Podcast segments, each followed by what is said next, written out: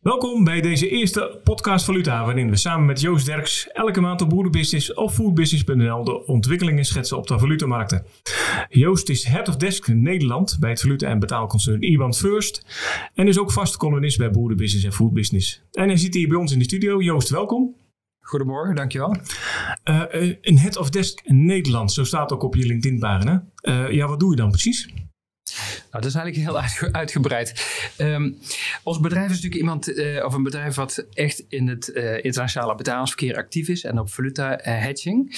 Um, en daarmee sturen we dus eigenlijk een team aan wat onze klanten bedient. En zorgt dat zij de dienstverlening goed uitvoeren richting onze klanten. Dat is eigenlijk het voornaamste. Ja. Ja, want dan even in de basis uh, IBAN First. Ik, ik heb het de valuta- en betalingsconcern genoemd. Wat, doen jullie precies? Ja, uh, wij richten ons echt uh, heel expliciet op twee dingen. Twee hoofdtaken. En dat is inderdaad het internationale betalingsverkeer. En daarnaast het converteren van de ene valuta in de andere. En ook hedging mogelijkheden. Dus manieren om je risico af te dekken. Je valutarisico wel te verstaan. Ja. En, en ja, welke klanten of welke bedrijven zijn erin geïnteresseerd? Wie, ja, zijn jullie klanten? Wij, wij, richten ons heel specifiek op MKB grootbedrijf.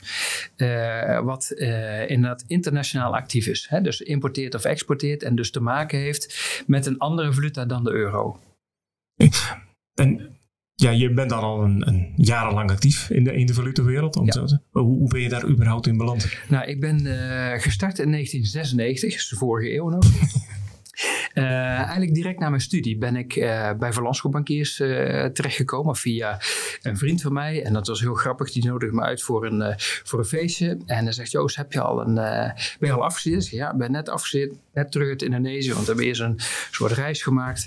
En, um, en het hij zegt, joh, wij zoeken nog iemand op de treasury desk, een valutahandelaar. Ik zeg, nou, dat is ook sterk. Ik zeg, want valuta heeft al mijn interesse gehad. Want toen ik 16, 17 was, heb ik ook Duitse marken, Italiaanse lira, Spaanse pesetas en zo gekocht. Ja, ja. Om daar een beetje mee te, ja, ervaring op te doen en, en te spelen. Dus toen heb ik gesolliciteerd en toen ben ik, uh, ben ik gelukkig ook aangenomen daar. En dat was eigenlijk mijn, uh, mijn start in de valutamarkt. Maar, maar het leuke is, ja, dat waren nog steeds met de lira's, de mark en dat soort zaken. Dat, uh, maar hoe, uh, ja, waar, waar zit die voorliefde voor uh, die valuta en dat geld dan in? Ja, dat, of, weet, ik, die weet ik niet precies, maar het is wel, valuta is echt macro-economie. Het is echt de, de, grote lijnen. Het is niet heel specifiek, maar echt macro-economie. En om dat proberen te duiden, zeg maar, heb ik altijd interessant gevonden. Ja. Nu is het, het karakteristieke beeld wat ik heb van een valutehandelaar van iemand die met twee telefoons aan zijn oren en, op allerlei schermen aan het kijken bent en ja. af en toe aan het roepen is naar zijn, zijn collega's of dat soort zaken. Ja. Is dat er nog steeds? Uh, dat is er nog steeds, maar wel, uh, het is wel een uitstervend ras. Hè, vroeger had je inderdaad heel veel handelaren, werd alles uh, door mensen gedaan. En tegenwoordig is dat steeds meer door ja, algoritmen en, en systemen. En uh, ik handelde heel veel met een paar grote banken in Londen. En toen vroeg ik over, hoe doen jullie dat? Hè? En helemaal samen, als je op vrijdagmiddag als er non-farm payrolls uitkomen... en je krijgt enorme valuta-uitslagen, koersuitslagen... ik zeg, dan kan je zomaar uh, een half miljoen of een half miljard aan positie hebben. En zeg Joost, waar mag ik tekenen? En zeg doe maar maal tien. Zeg maar, hoe doe je dat dan? Dan zeg ja, met cijfers kan je het niet meer volgen. Zo snel gaat het. En dat is absurde bedragen. Hij zegt, dat gaat gewoon met, met kolommetjes en kleurtjes... En als het oranje is, ja, dan moeten wij gaan ingrijpen in de markt. Dan moeten we gewoon gaan kopen of gaan verkopen. Afhankelijk van de positie die dan is ontstaan. Hij zegt, als het rood is, ja, dan moeten we echt gaan, uh, gaan rammen in die markt. Hij zegt, dus, dus het is gigantisch uh, ja, dynamisch eigenlijk, heel die valutamarkt en heel die, die handel daarin. Ja.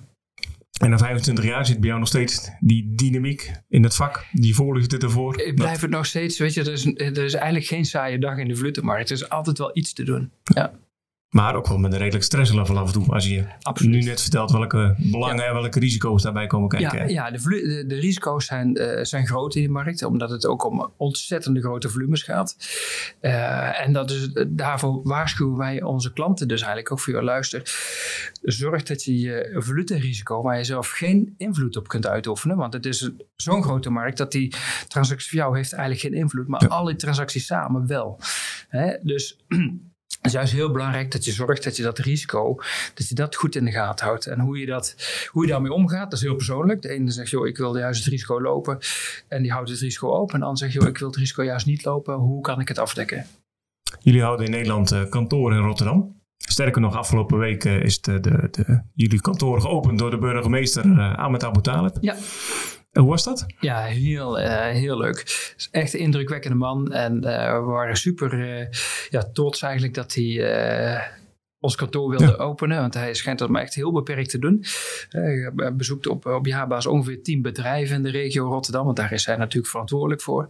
Um, dus we vonden het zeer, uh, waren zeer vereerd dat hij uh, ons had uitgekozen ook om, om het kantoor te openen. En was zeer welbespraakt, indrukwekkende man. Ja, absoluut. Maar nu dacht ik altijd dat heel de financiële wereld in, in Amsterdam zit aan de Zuidas. Waarom zit iemand First Nederland in, in Rotterdam? Ja, daar zijn verschillende redenen voor. En uh, de twee belangrijkste redenen zijn eigenlijk dat we in, eh, in Rotterdam zit veel uh, internationale handel. Hè, dus veel bedrijven die internationaal bezig zijn. Dus waar wij aan, uh, waar onze klanten ook zitten.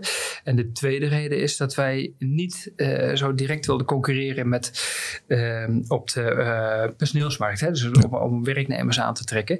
In Amsterdam concurreer je direct met de grote instituten. Ehm, dat wilden wij niet. Hè? Ze wilden dat gevecht niet aangaan. Ze wilden liever lokaal in Rotterdam juist de talenten aantrekken die anders naar Amsterdam zouden gaan. En eh, betaalt zich dat uit nu? Ja, het is nog vroeger, jullie zitten er pas net. Maar... Ja, kijk, het, en uh, we zitten natuurlijk in een hartstikke overspannen ja. arbeidsmarkt. Dus uh, dat blijft moeilijk. Maar ik denk dat als het in Amsterdam was geweest, dat dat nog veel lastiger was geweest. Ja. Ik geef net aan, de, de, de valutemarkt is een hele dynamische wereld. Een, een, een, een dagmarkt elke dag is anders. Ja. Uh, maar als je wat, wat uitfocust, zeg maar, welke trends en welke ontwikkelingen zie je in de valutewereld? Nou, ziet nu eigenlijk de, de allerbelangrijkste ontwikkeling nu is op die rentemarkt. En uh, ik gaf het je net ook al uh, even aan, die rente is eigenlijk het ja, belangrijkste instrument op de financiële markten. En heel veel dingen hangen daarmee samen. Dus ook valutakoersen, maar ook de beurzen. ook de, de, de hypotheekrente bijvoorbeeld. Hè. Dat is allemaal afhankelijk van wat de, de centrale bank doet. Want die dat is eigenlijk het anker voor de hele rentecurve. Als het, de centrale bank de rente omhoog trekt, dan gaat de hele rentecurve uh, beïnvloedt dat. dus die, die rente, uh, dat is eigenlijk nu ja, waar de meeste aandacht naar uitgaat. En waarom gaat daar de aandacht naar uit? Omdat er natuurlijk enorme inflatie is op dit moment. Ja. En nu heeft de ECB besloten, uh, kort geleden, om op 21 juli de rente met een kwart procent, 25 basispunten te gaan verhogen. Ja. Dan hou je nog een, een negatieve rente over van een kwart procent ja, ga jouw hart dan sneller kloppen als valutehandelaar? Of, of wat denk je eh, daarbij? Nou, absoluut. Kijk, je houdt heel goed in de gaten wat die centrale banken uh, wat die gaan doen. En uh, ik had ook al eerder geschreven, joh, als ik, ik denk dat de ECB toch nog rijkelijk laat is. En oké, okay, ze, ze, ze, lijken nu wel meer in actie te komen. En ze hebben ook aangekondigd, joh, waarschijnlijk wordt september dan een half procent verhoging. Maar als je dat vergelijkt met de Fed, is dat natuurlijk allemaal nog heel voorzichtig.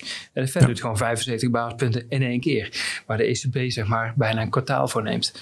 dus de Fed zit gewoon veel dichter op de bal dan de ECB doet. En wat, wat, betekent dat? Om maar even de, direct de, de koe bij de orde te vatten, de euro-dollar koers en, en, ja, de verhoudingen daarin. Ja, dat betekent dus ook dat uh, de euro op, op dat vlak onder druk staat. Hè? Als een rente. Uh, het is interessanter om je geld aan te houden eigenlijk in dollars, omdat je daar dus een rente, uh, rente uitgekeerd krijgt. In euro's is het nog steeds dat je moet betalen. Ja, dat gaat langzaam veranderen. Maar het renteverschil uh, wordt steeds groter. En ook als je naar de tienjaars renteverschillen kijkt tussen euro en, en dollar, ja, dan zit er nog bijna 1,7% uh, verschil in. In het voordeel van de dollar. En nu is de Amerikaanse centrale bank, de Fed is heel duidelijk in het rentebeleid. Wat hun plannen zijn, wat een koers is en dat soort zaken. Dan. De ECB heeft daar wel een richting aangegeven, maar met heel veel kwinkslagen en nog wel wat andere slagen om de arm. Uh, kan jij duiden zeg maar, hoe, hoe belangrijk en hoe betekend zeg maar, die onzekerheid is die daarmee blijvend gecreëerd wordt voor, voor een markt? Ja, ook dat uh, is heel ontzettend belangrijk. Hè? Wat zo'n centrale bank uitstraalt. Een Fed heeft gewoon echt een heel duidelijk plan. En die hebben ook gezegd, luister, het bestrijden van de inflatie is nu onze, onze belangrijkste taak. We, normaal gesproken is het namelijk ook de arbeidsmarkt. Hè? Dus de economie dat die goed uh, draait. Maar nu is de focus op inflatie.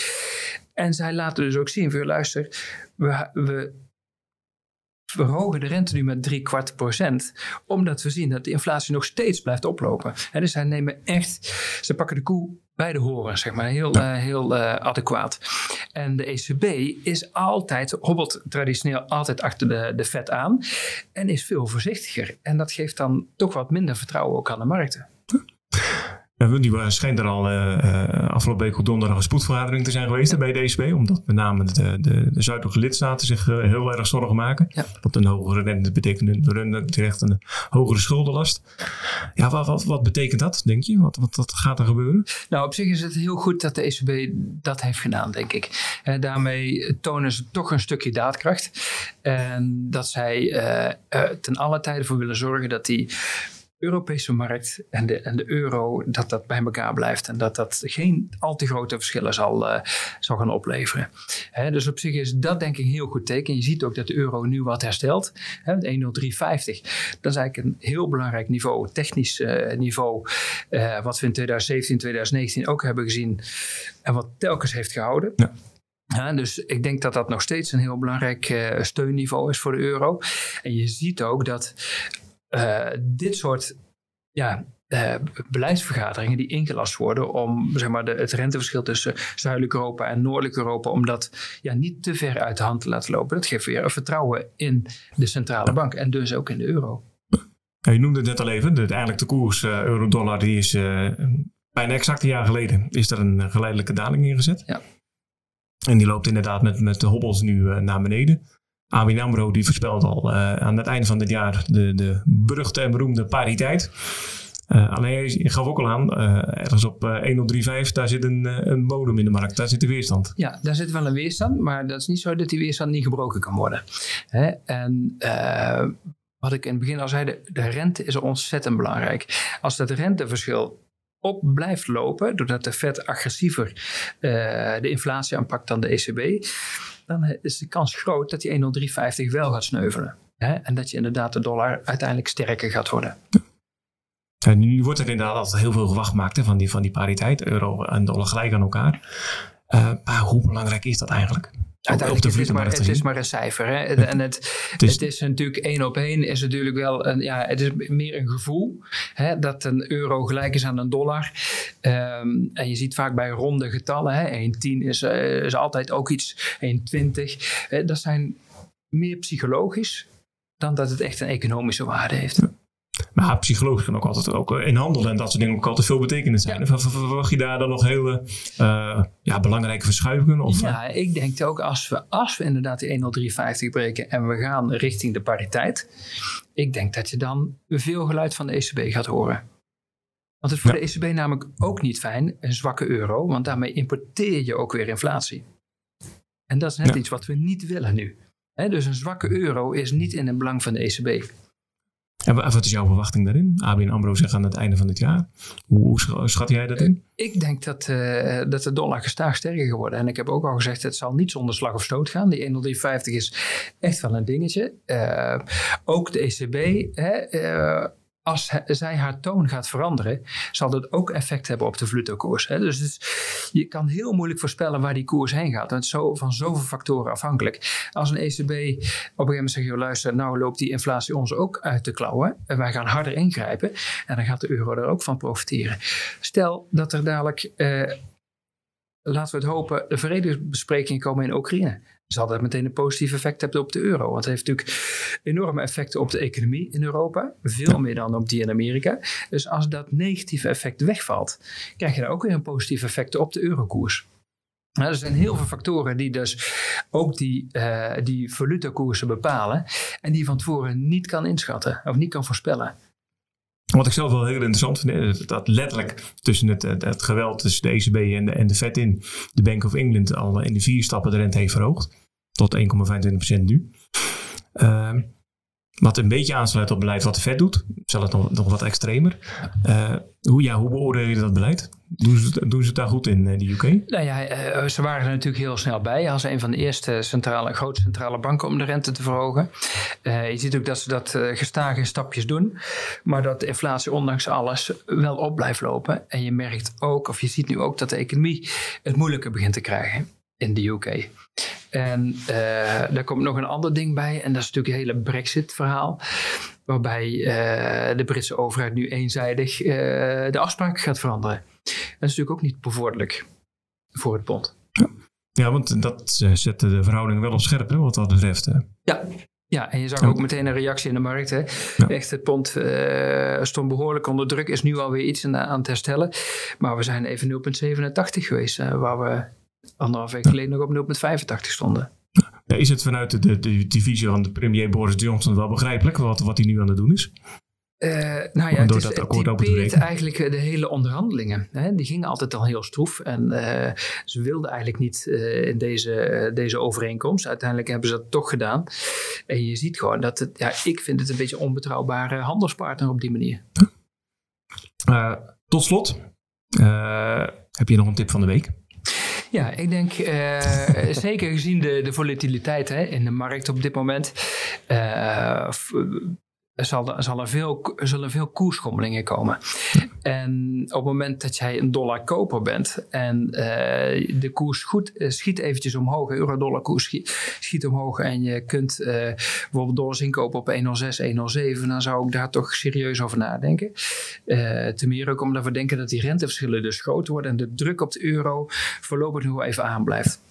Puur omdat de, de Fed ja, dichter op de bal zit dan de ECB. Dus uiteindelijk denk ik dat die 10350 zeer zeker getest gaat worden en misschien wel gebroken kan worden naar de onderkant. Nou, je noemde net al even, die, die markt wordt, wordt wat grilliger. Ja. Uh, het wordt wel een handel voor koele kikkers uh, wat dat betreft de komende periode. Of is dat uiteindelijk sowieso al? Hè? Nou, maar ook een, uh, een periode om goed na te denken over jouw valutarisico. Hè? En hoe ga ik daarmee om? En wat ga ik het risico nemen om niks te doen? Kan je, dat, en kan je dat risico wel nemen? Wil je dat risico nemen? Dat is, dat is eigenlijk de hamvraag.